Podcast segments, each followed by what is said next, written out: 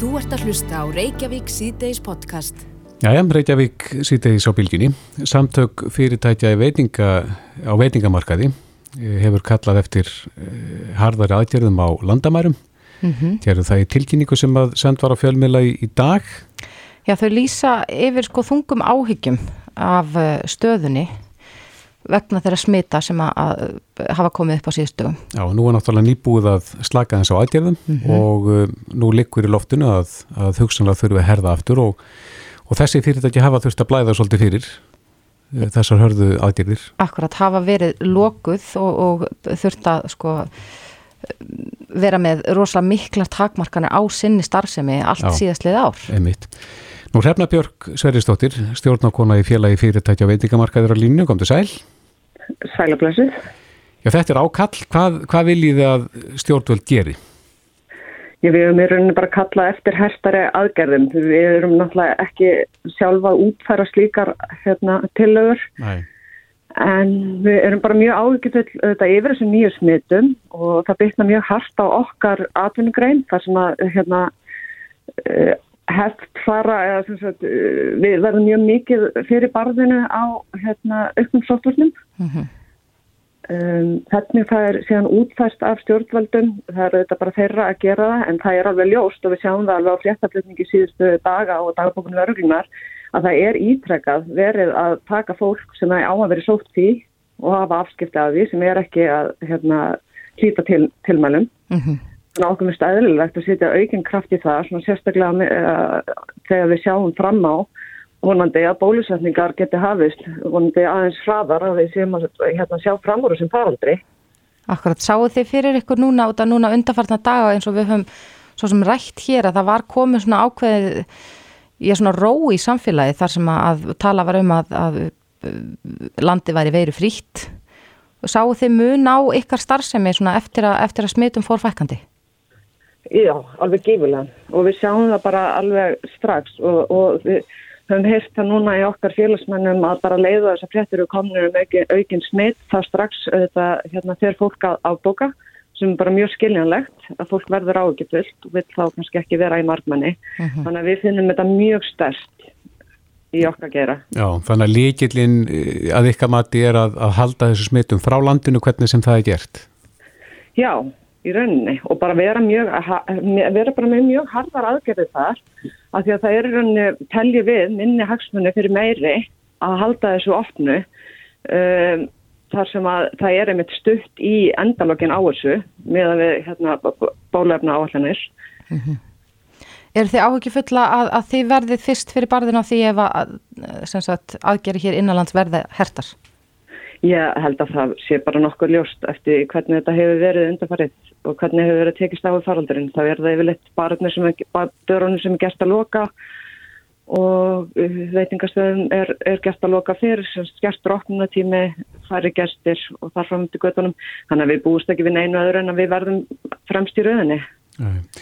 Hvernig reyðir uh, fyrirtækjunum af þar að segja í þínu félagi?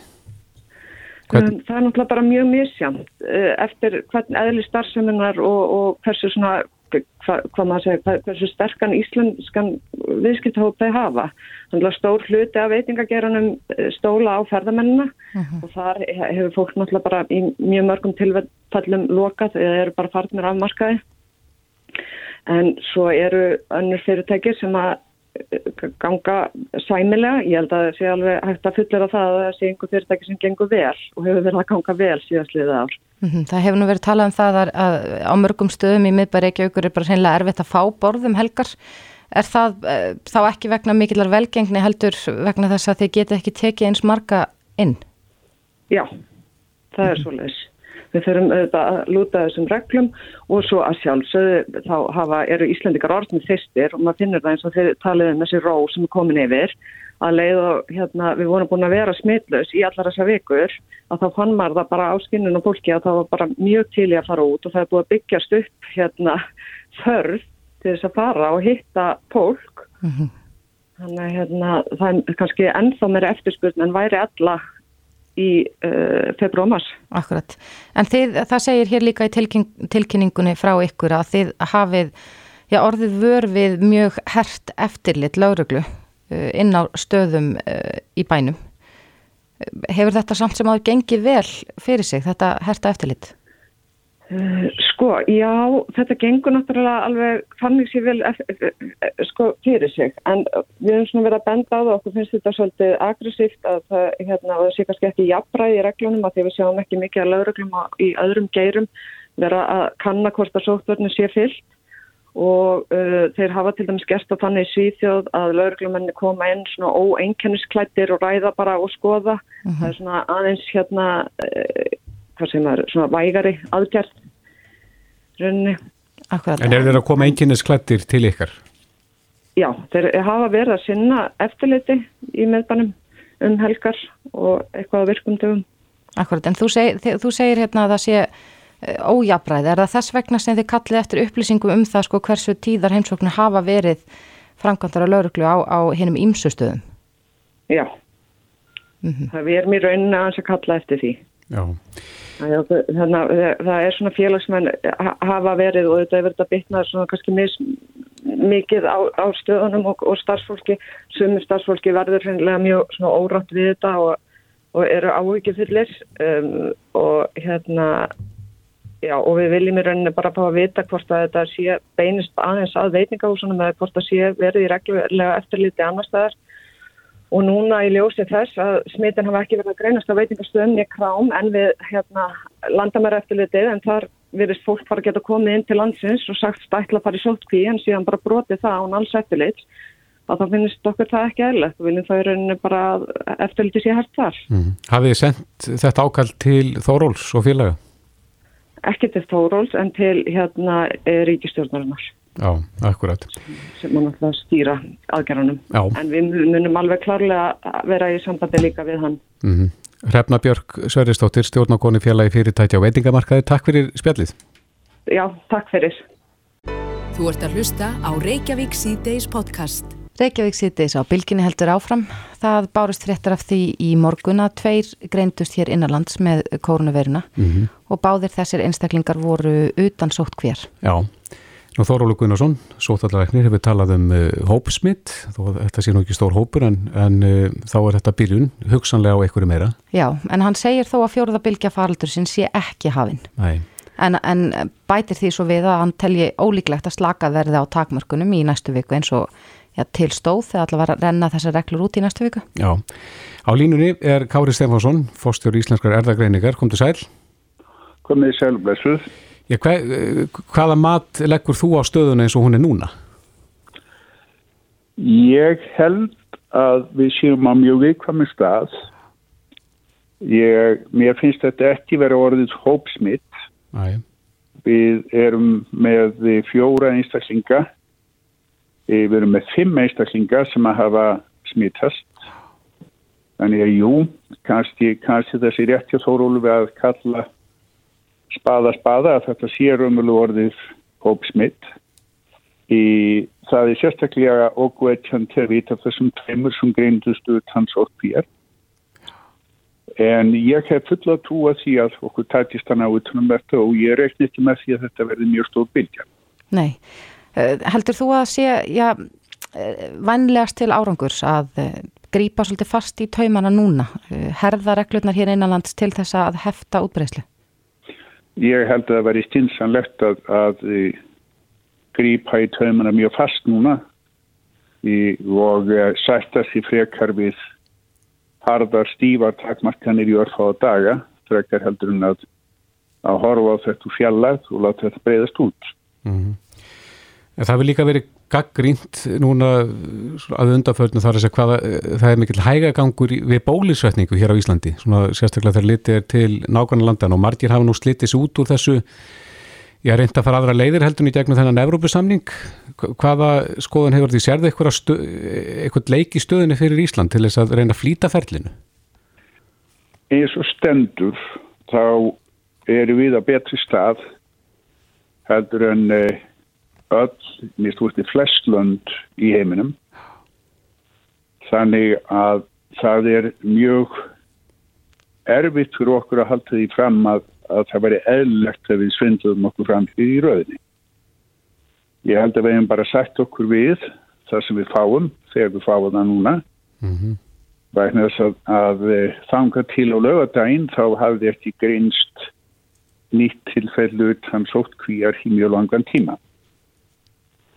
þannig ég held að ég held að við það var ekki það var ekki fallegt ásýndar ef við farum að hamast að miklum krafti við að komast fram fyrir Nei En uh, hvert finnst þér að framaldið eigi að vera núna, Kári?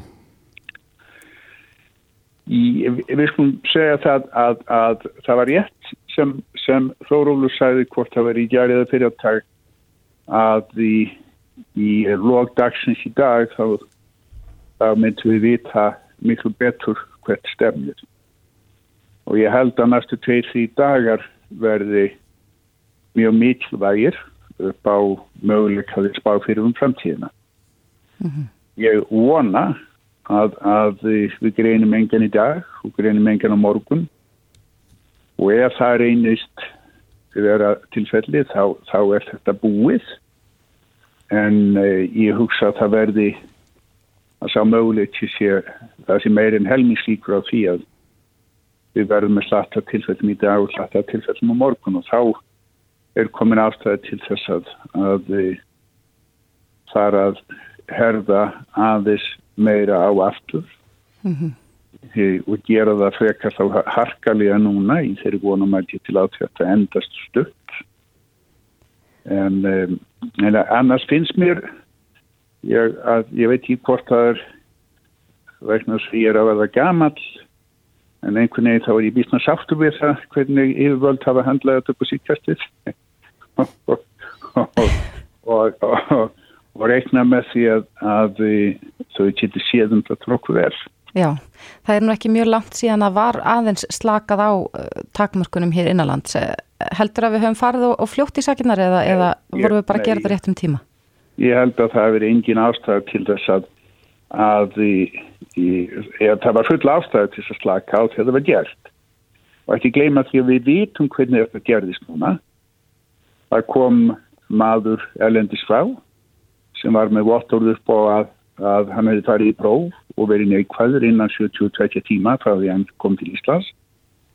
Hann var neikvæður á landamærum, hann fór í sóttví og verið að staði við hann alveg fylglega en enga síður þá bast þetta út og það, eh, þannig hlutir gerast og þrátt fyrir að, að það hefur verið farið að þessu mjög vallega. Mm -hmm. Og svo Rólfur veldur upp þeirri spurningu hvort að þeir sem greinast með, með breska aðbriðið, þetta 1,7 að þeir ættu kannski að fara í sótt kví í sóttarnarhúsinu, ég veit það ekki en mist og kosti held ég að það sé full ástæði til þess að herða pínutið á eftirliti með þessum sótt kvíum. Við kannski hafa menni því að ræða við þá sem er í sótkví, ráleggja þeim, gefa ráðum það hvernig að færa þeim aðfeng og svo framvís.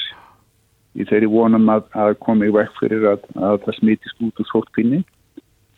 En, en við, ég held að við höfum fulla ástæðu til, til þess að vera á montin af því hvernig þetta hefur tetist hjá okkur. Því að þó svo að það hefði kannski mátt gera einhver smáatriði betur á þessu ári rúmið síðan að pestin bast til Íslands en, en í, þegar á heildinni líti þá hefur þetta tekist mjög vel mm -hmm. og ég held að við getum verið montinn ég held að við getum verið stolt af því fólki sem hefur stjórnað þessum Já, en þitt fyrirtæki hefur verið í eldlínunni í þessum faraldri Kári hvað eru það að gera núna? Það er að segja, hver er staðan hjá, hjá þínu fyrirtæki svona gagvart þessum faraldri? Að, það er að segja ástæðin fyrir því að við vitum hvaða form af þessari veiru er á Íslandi svo að við kennir í vestmyrinni ræðgreinum allt það sem er ræðgreint. Þessi við, á, við erum ræðgreinum þessar veirur sentu þeir í samhætti ákvörðum hvort þau sé ræða til dæmis þessar breskuður típ eða eitthvað annað. Þannig að við, við komum til að halda áfram að ræðgreina, við komum til að halda áfram að reyna að setja gognin í samhætti en við erum ekki lengur að greina, við erum ekki með við erum ekki að, að reyka þessa PCR-greiningu sem við gerðum í heilt ár mm -hmm. og, og á því ári sáum við meirum hluta þeirra sem voru greintir og það var dátið álag en það var spennandi og það var gott að fá að vera með. Þetta var augnablík, þetta var sað augnablík í okkar sögu það sem okkur fannst eins og við erum að beina okkur á því samfélagi sem við vinnum í. Mm -hmm. En þið hafi nú verið að gera rannsókn á þeim sem greinst hafa með COVID, svona heilsufarsansókn. Um, hvernig gengur í þeirri? Það gengur mjög vel. Þeirri rannsókn fyrir báðum að ljúka. Við erum að, að, að vinna með að skrifa vístakinn til þess að lýsa með stöðunum. Og svo erum við með aðra e, rannsókn í gjándi sem er rannsókn á frumubundu ánæmi til hverjunni og það er lík, þeirri rannsókn líka ljúka. Og síðan erum við að, að vinna þriðuransóknir sem að, sem að snýra ekki hvernig verjan hefur verið að dreifa sér í samfélaginu og við reknum með því að við ljúkum þessum trefum rannsóknum að næstu tveimur sömum vikum og komum með frá okkur í, í formið výstaklega. Er eitthvað svona eitthvað að bráðabera niðurstöðu sem þú getur sagt frá? Það er ekkert því ég vil deila með ykkur núna. Ég held að við býðum bara þannig að við erum búin að senda þetta út þannig að það sé ekki verið að, að taka sko vinduð úr seglunum akkurat núna mm -hmm. gerum við bara þegar að, að þess að greina fara út en þetta er svona okkar tilnum til að, að sætja nýja þettingum um eðli þessara pestar og afleggingar hennar þannig að Já Þetta er spennandi. Uh, Kári Stefansson, fórstjóri í Íslenskar erðagreiningar. Kæra þakki fyrir spjallið. Ja, bless, bless. Bless, bless. Hlustaðu hvena sem er á Reykjavík C-Days podcast. Jæja, Reykjavík C-Days, við hefum í gegnum tíðina fylst með þróun uh, þessar smittrakningar apps sem að leiti dagsins-ljós og margir hafa verið að nota og verið með í símanu sínum sem að á að fylgjast með ferðum fólks og hjálpa til svona við upprifjun þegar að fólk er beðum að uh, rifja upp hvar það hefur farið ef það greinist smittað. En við hefum líka heyrt að því að ennbætti landlagnis hefur verið með þetta app til í þróun og er að reyna að gera það ennþá nákvæmara og skilvirkara og nú skilst okkur að það sé fara að rofa til í þessu og kannski ekki setna vætna það sem að hugsanlega uh, e, fjórðabildjan getur verið í uppsiklingu en uh, á línunni er Ólafur Ragnarsson verkefnastjóri hjá miðstöð Rafrætna helsufarslausna hjá ennbætti landlagnis, kom til sæl Já, kom til sæl Já, hvernig stendur þetta núna? Er, er þið að fara að kynna nýtt app, endur bætt? Já, við höfum verið uh, undafarið í hérna og í samstarfi, miklu samstarfi við Apple og Google að nýta þessa Bluetooth-tekni sem þeir hafa þróað. Mm -hmm.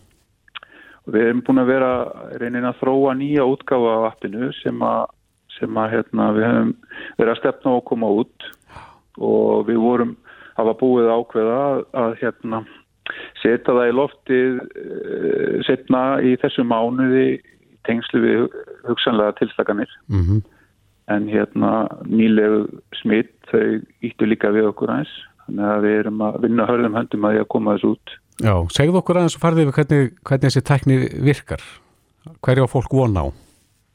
Já, sko appið í rauninni notar ekki uh, staðsætningagögn þannig að það er ekki GPS virkni þessu. Mm -hmm.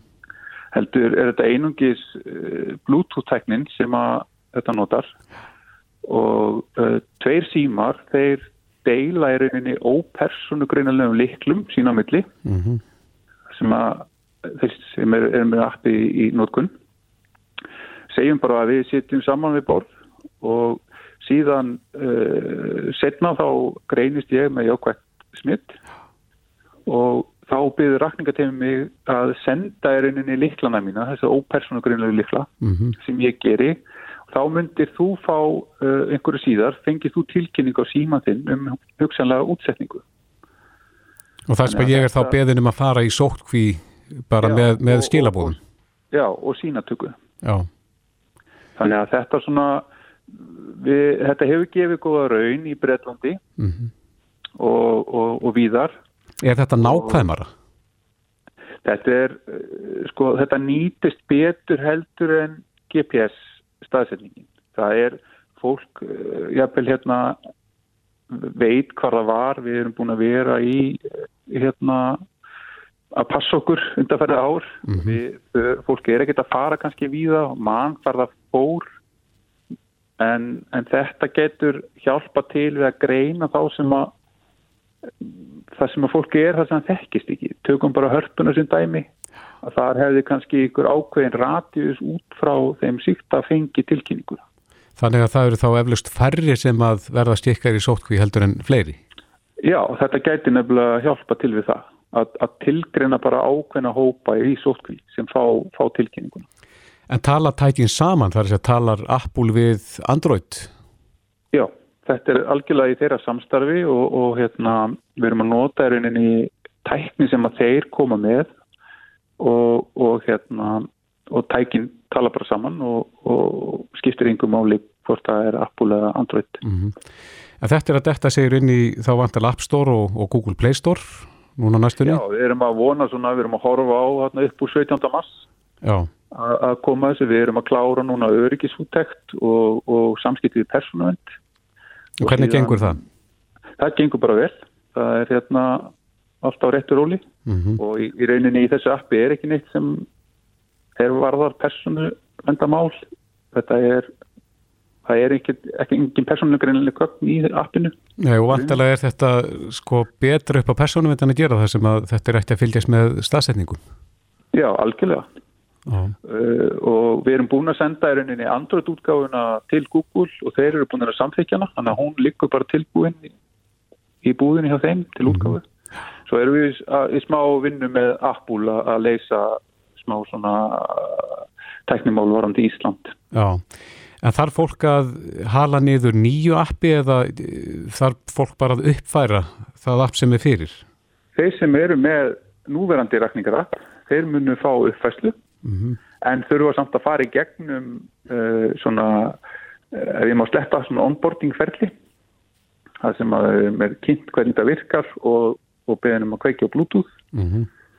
og en síðan þeir sem að náttúrulega er ekki með allir, þeir geta sótt á nýja allir bara beint. Já, og þeir telli að þetta komi til með að nýta smun betur og verði nákvæmara þegar að, að smitrekningunni kemur Já, við teljum að þetta muni hjálpa til við að, við að hérna, hjálpa rakningateiminu, við að finna jafnvel þá sem kannski vit ekki af því að þeir hafi verið nálat einhverjum og, og, og sá smitaði þekkir ekki mm -hmm.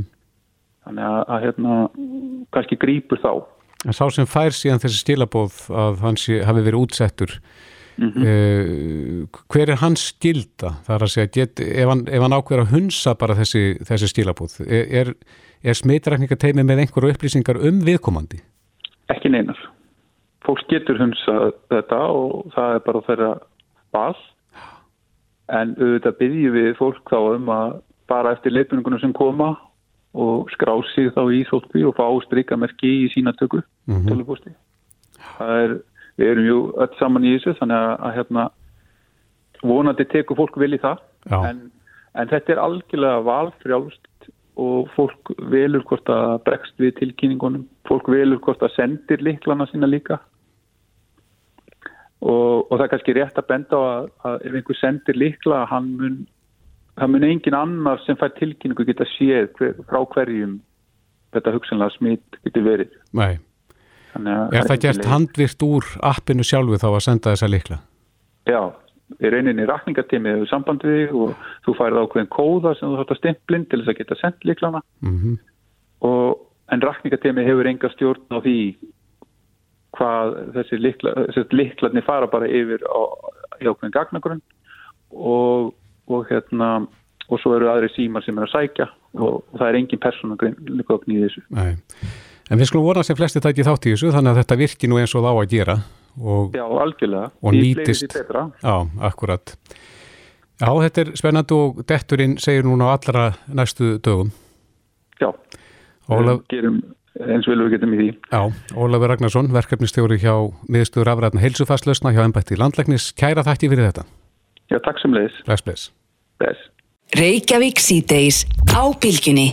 Aftur hef ég orð á því hér í Reykjavík síðdeis að, að það er engur líkar en að það sé komið vor því að hér á söðvesturhóttinu götur eru þannig komundan vetri að að það er eh, eins og hér hafi ekki komið snjóri mörg ár eins og maðurinn saði en, en hvað er það? Við e, það er svona svona ímislegt við þetta aðtóa, mikil er umferðin á þessari stundu en e, það er kvartað yfir Söguríki eða vondu lofti ef það er kyrkt og, og, og kyrkt og kallt eða hvernig svo sem mað, maður orðar það og, og svo eru menn að tala um að það sé allt og margir á nöglum og svo framvegis. En maður sem er reyndar ábyrgur fyrir þessu mörguleiti heitir Sigþór Sigursson og er hjá Kólus. Kólas fyrirgjöðu sem að sér um uh, götu efnin og, og, og hvernig þau eru þeim er fyrir komið í göttunum það er að segja malbyggið. Hvað, hvað er það sem að enginnir götuður okkar núna það er að segja ef við byrjum á nöglónum? Já, það sem henn er að svolítið að tala um þessa þessi misserinn vegna þess að við, tíðin hefur góð er það að göttunar síðan og koma miklu betur undan vetri heldur en í mörg önnur ár og hérna og við í bransanum við vitum nú í rauninni af hverju það er bara þetta að, að það hefur ekki valla snjóað hérna á höfbrukarsæðinu og, slappið og söldunin það hefur bara verið miklu minna um það og þetta bjargar gödunum okkar. Við erum ekki að fá þessar frost þýðu sprungur og hólur mm. og þess að það. Hins vegar á móti að því þú nefndir svifrikið þá eru þetta margir á nöglum og, og gödunar hafa verið auðar í allan vetur og naglanir óhagkvæmulega að slíta yfirborinu mm. og það myndast svifrik og við munum öruglega að fá að finna fyrir því núna þegar það fer að voru og fer að vera þurrari dagarnir að það verður mikið svifrik og þetta eru naglanir, það er alveg klárt. Mm. Vegar... Hvað hva er stór luti flótans að þú telur á nöglum? Já, það er talað um að það hefur aukist aftur og sé hátt upp undir 50% af bíla og höfbrukarsæðinu sjónöglum. Það er þetta allt og mikið en það er ekki nema uh, lítill hluti á fólk sem þarf virkilega á því að halda að vera nöglum og, og er að keirandi sérst, mikið út á bæina með vetartíman. En uh, svona er þetta nú en þá og eins og ég segi, götna koma ágætla undan vetirum vegna þess að það er ekki verið að salta og það er minna, minni ánuð á þessu. Mm. En, en slitið er er samt við sig mm. En e, nú hefur við nefnt að, að sko með skusti miða við borgir eins og Oslo eða Kaupmannahöfn eða og, og það hann að minni borgir en e, þá, er þvottur og, og, og reynilega bara skrúpað ofsjaldan hér. Já, ég er alveg sammála því. Það mætti gera miklu meira því að þú og, og þrýfa götur ekki, og, eins gangstíða en þetta er alltaf spurningum krónur og öðra, hvað er til í kassanum? Og ég veit ekki ef að er að spara í snjómóstrunum eh, sem óhjóðkvæmulega hlítun á að vera hjá sveitafélagunum og höfbrukarsvæðinu má þá ekki eða þeim krónum í, í þá eh, sópun og hrensun og þvott? Maður spyr sig en, en þetta er allt eins og sé forgangsröðunin, hvar er hún, hver, hver, hver ræður henni? Mm. Já, maður sér líka eh, stundum þar sem að jarðvegur bóstalega nær að uh, götu fletinum að þá, þá, þá þyrlast þetta upp drullan. Já, já, það, þetta sapnast í all, alla kverkar, þetta er nú bara eins og hefði með okkur, ríki, ríki fyrir á, út í kverkarnar og undir og, og út um allt og síðan þyrlast það upp þegar við hlaupum um, en þetta er bara alveg eins á göttunum, þetta sapnast út í, upp í kantsteina og, og það bara verður að þrýfa og, og til að halda þessu við. Mm -hmm einmitt. Eitt tekum maður eftir, einu tekum maður eftir segja kannski þegar maður er að akka hér tengibröðirnar eh, sem að eru nú sko kannski fjórar akreinar tvær og tvær eh, það er fljótt komin rásir. Rásirnar eru fljótar að myndast í, í, í gödunni er það ekki varhugavert? Það lærði maður í eina tíð að gæti verið sérstaklega í vasselg eða eða þegar slappið er mest Hjólfari myndinu? Jú, jú, það er náttúrulega það sem við erum alltaf að berjast við mm. það er þetta slit sem myndast bæði af nagladekkinókun og auðvitað bara þunga umfyrinni mm. og, og þetta er auðvitað bara ákveðin staðlar sem við erum að fara eftir til að halda þessu niðri þar að segja að leifa okkur malbyggurunum að leggja nýtt slitlag þegar hjólfurinn er nákvæðið djúb þá þarf að fræsa að leggja upp nýtt slitlaði mm. og þetta er auðvitað aftur það sama það er bara barist um krónurnar hva, hvar á að leggja hverju sinni það hefur nú við gert ágætis átak núna síðustu 2-3 árin á vegum vegagerðarnar, borgin held ég líka þannig að ástandinu orðið snögtum skára en það var 2014-15 mm. þegar við komum út úr hruninu þá þegar göttuna voru alveg hróðalegar og ég líkti þeim í einhverju vittali við göttunar í Östur Európu. Við erum nú aðeins búin að laga okkur og, og, þetta lítur skáru út en alltaf nóg að gera. Mm. E, þú ert búin að vera í þessu áratugina 2 og 3 eða hvaða er, eru efnin hafa þau náð þeim gæða standard sem að til þarf og á þess að fara út í að steipa og allt og verða fjórfaldast? Já, já, við erum með sko, hérna á Íslandi erum með innflutt mjög sterk steinefni frá Nóri og öllum götum sem eru fjölfarnar. Við notum uh, hágeðabík íblöndunarefni sem hjálpa til við erum með allt upp á topp en það notar Kólas til dæmis hérna Kólas á Íslandi öll sín sambönd út í Európu og við erum með alla tekniþekkingu á, á, upp á 100% topp. Sigþór uh, Sigursson uh, hjá Kólas uh, þú hefur sjálf að séð göttunar jafn góðar Já, ég hefndi segja, allavega núna síðustu tíu árin þá er þetta með allra besta. Mm. alveg síðan hérna fyrir, fyrir bankarhun og hjálpar þar veðrið. Það búið að vera fínt og, og okkur gjöfult í vetur og gott. En við meðum skrúpa. Þrýfa, já. Takk. Þetta er Reykjavík C-Days podcast Reykjavík C-Days var nú ekki vanur uh, veðurspám sem að gera ráð fyrir gulum viðvörunum en það er í kortonu núna. Hrafn Guðmundsson, veðurfræðingur í Veðurstú Íslands er á línu, kom til sæl. Já, blessaður. Það er gulur litur í spánið þinni. Já, það, það er, fá, við fáum loksins uh, smá vetur núna, uh, svona, svona áminningum það að það er nú ekki alveg komið vor eins og er, þó hafi nú verið svolítið svona festlegt núna undarfærið, mjög, mjög gott veður, mm -hmm. þannig að þetta er svona viðbreið núna að við fáum loksins svona djúpa læðin en, og, og svona, svona alvöru vetra veður þá allavega svona vestan til á landinu Já. á morgun. Hvað, hún, hvaðan kemur hún og, og hvar læðust hún upp á okkur? Hún, eh, hún svona kemur svona suðaustan við landið eh, svona með eh, svona í, já, í kvöld og nótt svona læðist hún að okkur og verður austan við landið svona um háttegspila morgun. Mm -hmm.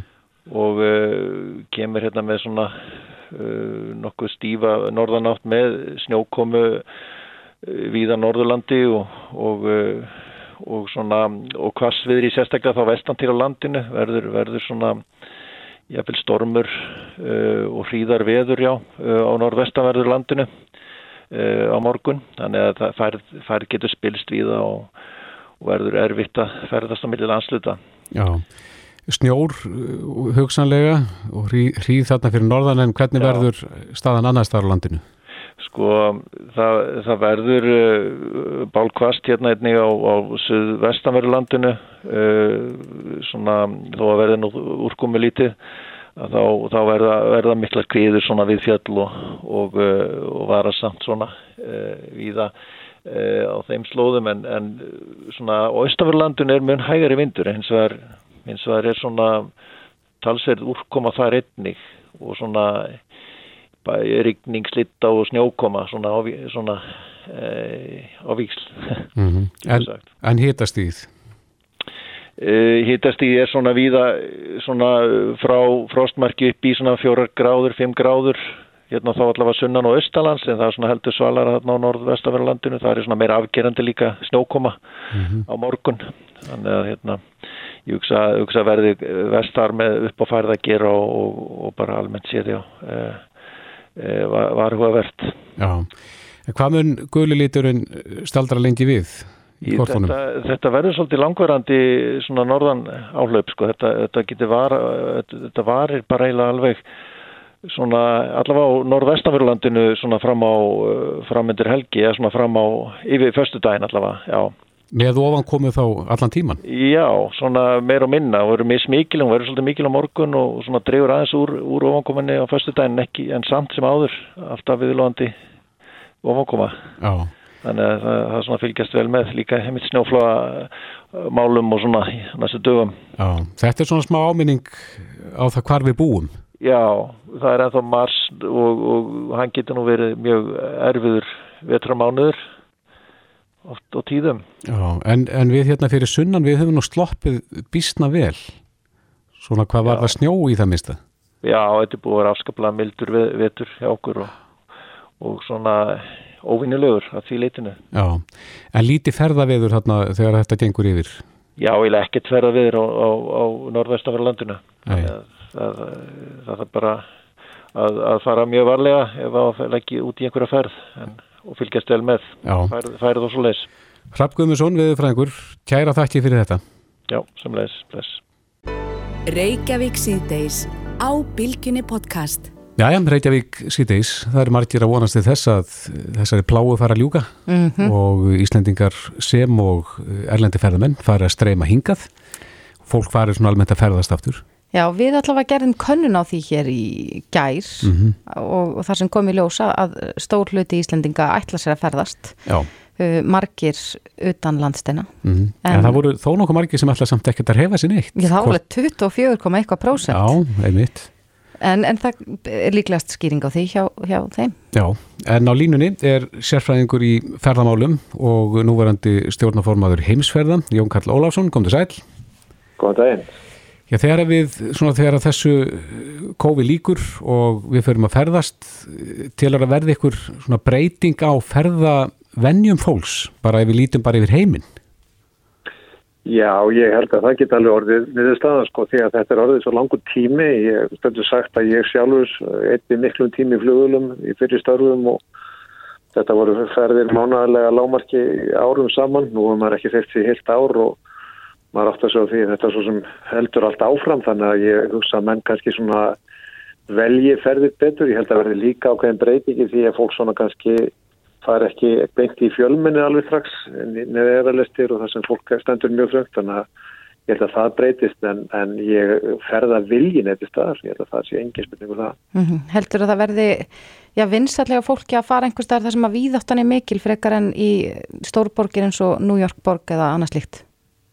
Ég, ég hef þá trú að, að til dæmis Íslanda er miklu möguleika þegar þetta fyrir gang ég, ég held nákvæmlega að þetta muni gera að fólk muni frekarsækja það sem að það er meira pláss og meira, meira rými í kringu fólk heldur en kannski beint það sem fólk stendur mjög frönd ég hef svona því. Eða leggja upp úr því þegar við förum að kynna landið sem áfangast það Já, já, og það er auðvitað það sem Ísland hefur verið þekkt fyrir, ég menna þetta er náttúrulega víðáttur og, og, og, og svona menn geta verið hér í algjörðu þögn, hér hálftíma út úr Reykjavík og þú heyrðu allar nokkur ljóð, þetta er algjörlega sérstætt og, og hefur þetta verið það sem hefur svona verið kannski okkar sérkenni gegnum tíðin að, við erum með miklu meiri výðerni og, svona opinn svæði heldur en kannski menn er, eiga orðið að venjast í flestu löndum. Mm -hmm. En þegar við förum að ferðast, uh, þegar það opnar á, á þess að ferðir út, hvernig heldur að verðlagningi verði? Verður, verður mikil eftirspurn sem að kemur til með að hækka verðið eða hvernig kemur svo þróun til með að verða? Það verður svolítið erfitt að segja til þess að ég hef uh, reynda trú á því að, að verðin muni ekki hækka neitt því að ég held að það sé mjög margir sem verður tilbúinu til þess að hefja framlegslu á flugsætum og ferðum um leið og það verður hægt að gera það. Þetta er búið að vera mjög sérstætt að vera að vinna í ferðarþjónustu. Það er að renna núna í heist ár sem að hefur umlega engin brottföru verið á, á vegum eða mjög fáa brottförur á vegum ferðarþjónustofa eh, bara eh, síðan í massi fyrra. Mm -hmm. og menn eru svona að býða og við erum eiginlega hægt að kalla þetta áallin við kallum þetta vonir um hvernig þetta fyrir ganga eiginlega. Mm -hmm. en uh, við erum svona ganga út úr því núna að, að sumar í sumar verði svona byrjunarpunkturinn þetta ferur þetta mikið eftir bólusetningum og við finnum bara áhugan einhvern veginn fara svolítið eftir fréttum, það er mikið ringt og mikið spurt og mikið lági en, en minnum bókanir, fólk er svona mikið að svona býða eftir því að það myndist einhver vissa svona eða einhvers konar rúanur um að, að þessi, þessu fara allir ljúka en fram að því þá verður svona menn halda aftur að sér með að ganga frá bókunum og ganga frá að klára. Já, þú segir að það er mikið, mikið um fyrirspurnir og ringingar en hvað er fólk að spá þá? Já, það er bara verið að velta fyrir sér hvort að verði farið og hvernig verði farið og hvena verði hægt að fara og svona og fólk er að segja að senda fyrirspilnir um hópa og bókanir í einsku og þannig að, þannig að við reiknum bara að fastla með því að það verði gríðarlega eftirspilnir þetta fyrir gang og, og ég held að hún fari til dæla frætt upp þegar hún fer þannig að við svona reiknum með að setnilut á þessu skipta árið mjög hóverður og spennandi. Eru Íslandingar aðalega sólgnir í það að fara í sól eða finnið einhverja, einhverja svona sérstaka eftirspurn eftir ákveðnum stöðum? Já, það er náttúrulega ekki okkur auðvitað fyrst og með sólinn sko, það er auðvitað þar sem að svona kannski verður fyrst sem að fólk, fólk fer en það er líka verið heilmikið fyrirspurnir og borgarferði frá með höstinu og, og það er farið að spyrjast ekki fyrir jól og áramót og jæfnvel fyrir næsta ár sko þannig að ferða viljin er gríðalega mikill, það er engin spurningu um það en, en eins og ég segi það er svona fólk er eh, trekt til að ganga frá og, og, svona, og ganga frá bókunum fyrir það kannski meiri vissaliku fyrir um, mm -hmm. um þróum eins og og flera. En þú talar um að Ísland gerði orðið já, spennandi áfangastæður fyrir þá sem eru jafnvel búin að vera innilokaðir heimi á sér svo mánuðum skiptir að komast hinga í víðóttuna. Hvað er þá mikilvægast í, í þeim efnum hvað markasetningu varðar? Já sko við höfum svo sem verið að okkar markasetning hefur náttúrulega mesturinn í gengið út á þessa viðötu og, og það sem að hér er, hér er að sjá og það, það sem að bæði markasetni og líka þar þetta sem hefur verið að draga hvort það er kvikmyndir eða, eða umfjöllum sem er að fjalla um landið eru þetta mikið að einblýna á þetta og fókusur á þessa þætti sem að eru þá þessi, þessi viðóttu og opnu svæði og miklu viðötu sem, sem við hefum upp á bjóða. Þannig að ég held að það svo sem verði ekki endilega mikil, mikil breyting eh, á, á, á svona hvernig við nálgust, nálgust að markasefni sem, sem við höfum verið að nota. Nei. En eh, áður en að ferðarmenn hætti að koma þá var svona heyrðum að gaggríni á þessa stærstu ferðarmannastæði. Þar voru sko ferðarmenn eins og sartinur í dós Nei. Og það var talað um að, að stýra þessu betur. Er eitthvað sem við getum gert núna til þess að undibú okkur undir næstu bylgi ferðarmanna?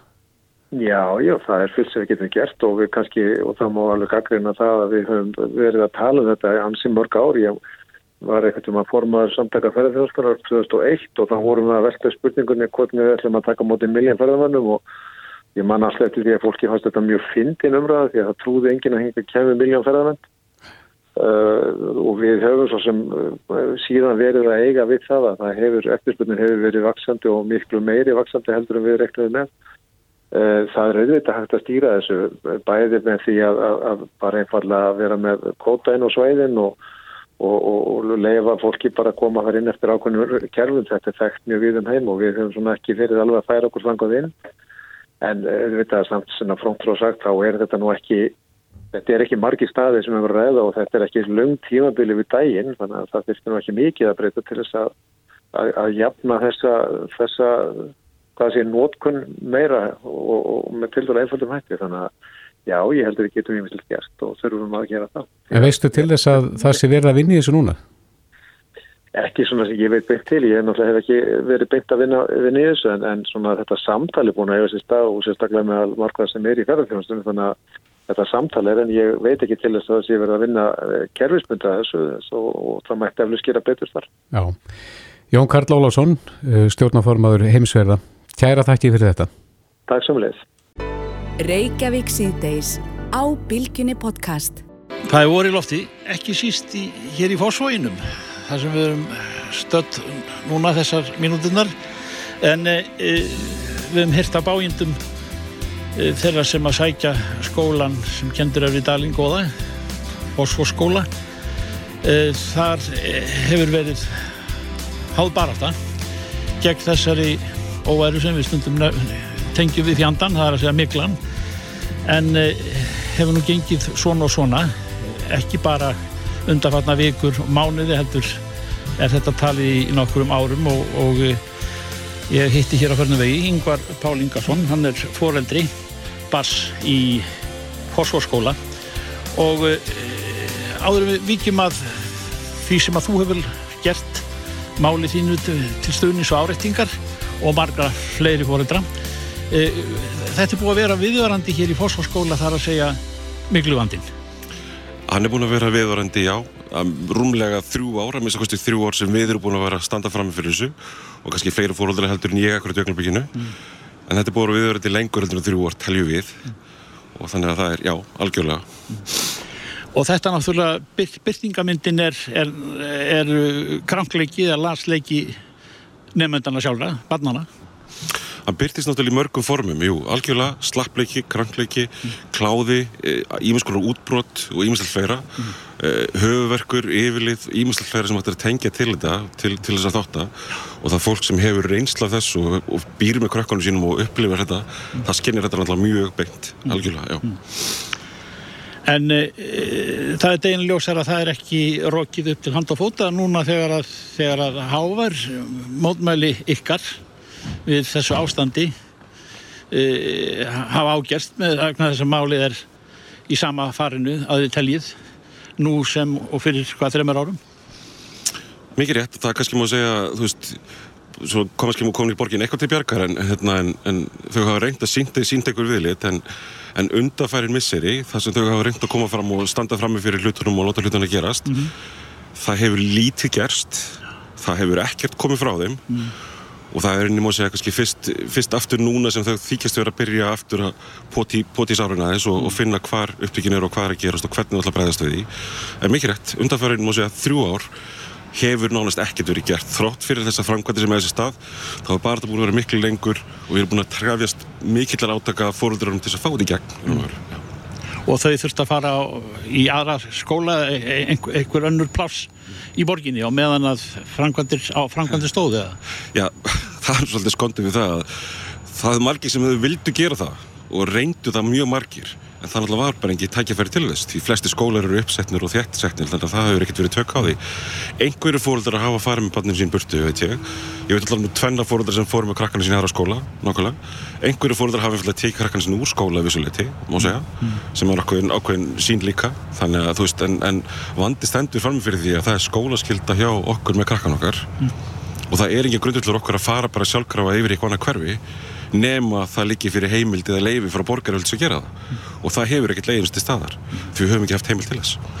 En yngvar, nú veit ég að, að var ekki þetta það, maður veit að í Kópavóinum þá hafa menn bröðuð á þar áður eða það er henni, hvort gott að það er ekki Kásneskóli eh, afsakið, ég fer ekki alveg rétt með nafnið en, en sá skóli var bara rústaður og, og tekin burtu í, í, í dufti og, og, og, og það er verið að byggja nýjan skóla er það eina lausnin að þér vilist hvað var það fórsóskóla? Sko ég ætla ekki að segja að það er eina lausnin en, en það mæli margt mjög sterklega með því orðan þannig bæði skólinu og fullorðin og það er búið að ganga ímjömslega á og það er búið að sína fram á það og það vita það allir sem hafa komið að í kringu þetta mm. miklu gróð sem búið að innfesta sig í hvort sem er í einhver innréttingu, steipu eða, eða tækjum og tólum í umhverfinu hún fer ekkert svo glatt. Eina leginn sem losna við hana er að taka hún um hverjunu algjörlega. Það þýðir hvað? Þannig að endun ég eru allt sem er í skólanum og þá á ég við allt saman. Ekki bara einhver húsgögn eða part af húsgögnum. Útveggi, innveggi þak og ímyndil þeirra sem þýðir nánast allan skólan, algjörlega. Mm. þannig að þú veist, að þýrleitinu til, já. Mm. Mörg börn í hverfinu? Ég ætla að segja já hverju hefur tekið miklu stakkarskiptum undanfærin ár og sérstaklega síðsliðin, síðsliðin má segja innan af áratögur og veru, það sem hefur verið rosalega fjölgun, það hefur mjög mikil endun í hverfinu, mm. þannig að badnamærinu aftur komið til staðar og grunnurinn er allir til staðar að halda skólanum gangandi og þetta er eitthvað sem mun alltaf vera. Það er alveg hrein, Þú er haldið upp í eh, sókn á borgaríföld þar að segja farið fram á það og eh, nú ímislegt en, en á samt öðrum hér forraðamönnum barnana, nefndana en e, þú höfður vísa máli sonar þíns og, og, og ykkar til barnavænda yfirvalda. Já, við tók ákvörðinu það er hann að vera bara í eftir, eftir senasta útspil borgarinnar má segja þú veist þar semstu helgi. Þar sem umræðan tókst aftur upp á hóf með annars að skýslu sem að gefa út núna í enda ársins en eru ekkert byrst fyrir en rauninni fyrsta afgóðstæðinu núna. Og rauninni bara þann, þann, þann hátt að borgarinnar á hvernig þeir hafa komið fram með okkur svona almennt og því ég dráði þetta svona saman bara fyrir sjálf mig þá bara hérna, þú veist, hvað er ég að láta bjóða okkur og hvað erum við að láta bjóða okkur almennt? Þú veist, ef ég sjálfur myndi taka barnið mitt einhlið út úr skólanum og hérna segja, hörðu, ég ætla ekki að láta kenna barninu minni hérna þá með því sami formörkjum, þá myndi skólinn kæra myndi barnahjöldana Reykjavík myndi koma hérna og krefast þess að ég er því aðtöða sem fóreldri, hvort ég sé hægt fóreldri og veit að þeim allar á samfélagslega upplifa skildu og ýmislegt fera en það er ekkert sem ég get snúið við þannig að ég ákvað að taka bara þannig púli hæðina og einfallega fronta Reykjavík með því sem hún þekkir hann að veru, það er kerfið sjálft þú veist að koma þess inn í kerfið láta bara kerfið sjá um kerfið sjálft ég einfallega tek þá hverjum og segi, hörðu, banninu mín er ógnað að borginni, starfsmennu borgarinnar, líkamlega, heilsusamlega, um ókvæmna framtíð sem ég veit ekki hugmyndum hvað, hvað mér byrja skautið sér, því að þetta er ekkert, það er búið sínað fram á það að þetta er langvarandi sjúkdóma sem er mjög líklega ganga og fylgja þeim alla eilíft. Þannig að ég ákvað bara það að reyna hva, hvað og hvernig kerfi myndi bregðast við því. Viðbörjum áttum að hafa þetta í standa. Það er ekkert komið kvorki frá barnahöföldum nér Reykjavíkuborg eða umbúsmáni skuldara eða umbúsmáni barna eða neitt við því hvernig að nefna. Þannig að ég sjálfsög bara vonast þess að þau séu bara taka efni fyrir og hérna takja efnislega til þess. Og nálgist á þeim fósundir sem þeim ber að gera því að eins og ég vittna í sjálfur til og með því fæslu frá mér var þetta barnavandalög þá ef barni er ógnað heilsusamlega eða, eða líkamlega gagvart sínu aðgerfi þá ber fólki tilkynna til viðkomandi yfirvalda. Og í þessu tilfelli er það bara algjörlega syngt og sannað að ekki þó endur þó kannski endalega strákurinn mín eða strákurinn mín séu kannski ekki versettir þá er margir munveri staðheldur minn, minn, minn strákur. Og þau eru bara einfallega ekki að njóta síns réttar kakkur þessu. Og það er enginn sem stýgur henni fram og er henni leiðbina þó er réttilega að kerfið segist verið að gera eitthvað en eitt er að segja en annað er raunverulega að gera Yngvar Pál Ingarsson, fóröldri nefnda í Fossvóskóla eh, slúan og fáir að heyra í yfirvaldinu áður en lóttu líðu. Takk fyrir þetta. Takk, takk. Þetta er Reykjavík C-Days podcast. Reykjavík C-Days heldur áfram. Við heyrðum í gær í Þórunni Sveinbjörnsdóttur, formanni landsambands eldriborgara. Já. En þar var hún í raun og veru svolítið að bregðast við orðum forstjóra grundarheimilana mm. sem að uh, sagði að, að ríki gæti ekki stað undir þeim kostnaði sem uh, hjúgrunarheimilum fylgir. Nei, hann sagði þetta í výlíninu og varpaði þarna sprengju og hann gerði þetta nokkur um sinnum sem að hann, hann vildi leggja áhersla málsitt mm -hmm. og mhm. sagði að ríki gæti ekki staði undir þessum greiðslum til lengri tíma og fólk þyrti bara að borga ef það á pening, borga fyrir döl sín á þessum hjúgrunarheimilum að fullu mm -hmm. þanga til að peningarnir eru búinir og þá gæti ríkið hugsanlega tekið við. Akkurat, en Þórun hún segir að, að sko, já, við eigum frekar að, að fara eftir því sem að hinn Norðurlöndin er að gera mm -hmm. og mhm. þar er sko meiri heimahjókrun fólk býr lengur heima Já. en að þá þurfum við að verða smá bylting eh, þegar sko að svona velferðatækni kemur, við þurfum til dæmis að hafa breyðari hurðar op mm -hmm. innstungur þurfa að vera á betri stöðum á, að, þannig að fólk þurfa ekki að beigja sér niður Já. Snjall klósett og, og þar mætti lengi telja Einmitt. En á línunni hjá okkur er Guðjón Viljánsson, forstöðumar heilbreyðslausna Origo. Kom til sæl. Já, selveri. Já, við heyrðum það þegar við rættum við Þórunni í gæra að það er greinlega þörf á, á því að það verði smá bylting inn á heimilum e, þeirra sem eldri eru. Hvað er svona nýjast af nálinni í þessum gera? Já, þetta er náttúrulega sko, stór hópur sem er, er að fara mjög hratt stækandi og það þarf að hafa í huga að þetta er eitthvað fjölbreyttur hópur með fjölbreytta þarfir og fólk er hérna, mis gott í heilsunar eftir því sem að hérna, það eldist. En það sem við erum að vinna kannski í þessar dagana er, er það. Það er annars vegar að búa til tækið sem hjálpar heimahugurinn að sinna þessum hópi einstaklinga sem að í raun og í dag getur fólk fengið heimahugurinn hendir sín en, en hérna aðgangur að kannski öðrum heilbriði stjættum er frekar takmarkar þannig að sá hugurnafræðingur að fræðarlega sem kemur heim til fólksins Eh, getur kannski ekki verið að ráð, ráðfæra sig við sérgrunnuleikni eða heimilisleikni eða sjúkurþjóður eða sálfræðing. Og þessi hópur þarf alveg fær fæðaða nálgun. Þannig að eitt af því sem við hefum verið að kynna á markaðinu og undanförnum er smáfórit inn í heimahugrun og veru bara e, tól til að, skipa ekki heimahugrun frá aðtilu Já, hvernig virkar það? Það virkar það þannig að eins og í dag þá er heimahugrun skilgrinn um að sá aðeins sem kemur heim til fólk getur þá verið e, í staðin fyrir að vera skrá eins og það verður ekki hingað til að pakkir getur verið að hafa aðföllin og aðgeng á sjúkarskrá einstaklingsins getur verið að, að, skrá miklu ítælur um helsefær en líka þá taka mynda legusári senda á sérfræðing fengi stuðning frá öðrum fagæðalum bara fengi ráðgjóð og ráðingar þánga viljum við taka þetta þannig að það sé hægt að veita allar þá þjónustu sem að þarf í raun og verið í dag að, bara færa einstaklingin inn á sjúkurhósi eða eða til fagaðarnas að þjóðum getur fyrir að fara heim til þeirra. Já, en hún nefndi í gær svona ímisal hluti sem að myndi þá auðvelda líf uh, eldra fólks eins og til dæmis bara þetta með innstungurnar. Já. Að uh, eldra fólk þurfa ekki að vera að beigja sér niður til að stinga hlutum í samband heldur væri þá tengilin í meiri hæð. Já, já. Einfalt, einfalt mál. Já, algjörlega sko. Ég myndi að þessu, þessum dúr, eitt af því sem er skiptið miklu máli í þessu er, er livjakjöf, að fólk sé að hérna að fá að taka lifinsinni réttum tíma, það eru tiltæki sem að skamta lifinum bara á réttum tíma, það kemur bara kemur koma lifin út sem að fyrir að taka á þeim tíma og síðan aftur á hádegi og síðan aftur um kvöldið. Mm -hmm. þannig að í raun var að gera fólk meira sjálfberg að, að hugsa með um heilsu. Það eru ímis tækifæri þar. Uh, Smart klósett í gerð eða snjall klósett Já. Þekkjur þau eitthvað? Ég, reyndir ekki kitt fyrir þau en, en hérna það eru, það eru alls konar svona tækni sem að gerir þannig að verkum líka fylgjast bara með þetta er tækni sem fylgjast með sko hvort að fólk sé eh, að halda rútininu sinni.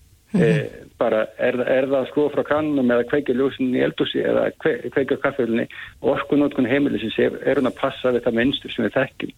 Ef ekki þá er það eitthvað sem að þarf að bregðast við Þannig að eh, það eru til nemar til að setja upp á veg til sem greina hvort að það sé reyfing eða hvort að liggi mannski á gólfunni. Þannig að hérna, eh, sko, fólk getur nýið niður á þess að hafi tækið verið plít á neðarna. Þannig að, að það sé að bregðast við að koma upp einhver solis, einhver solis tilfelli. Þannig að það er eh, einn, einn af þessum möguleikum sem er í bóði. En það sem er kannski mest spennandi er einmitt þetta að fólk hafi sjálft svona, svona, svona meira aðgunga sem meira þáttakandi í þeirri sjútos meðferð sem er í gangi þetta hafi upplýsingar um e, sko hérna sitt meðferðarplan og getur verið e, bæði einstaklinni sjálfur og aðstæðindur vegna svo oft þegar um svona fjölveika einstaklingar að ræða eins og í erostunum um, hérna, um að ræða fyrir fólk í þessum hópi að þá er það, er það aðstændir sem þurfum að líka inn í vita hvað hva gerist nægt e, hvern, hvernig best er að sinna við komum þetta svo framvegis. Akkurat.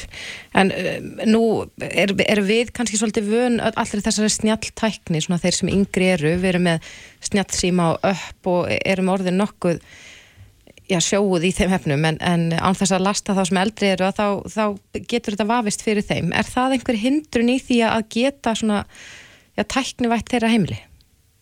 þarf ekki að vera og við sjáum að þetta er náttúrulega mismundi færni hjá einstaklingum eftir bara hvaða sjúkdómar er að sjá fólk og svo framvegis.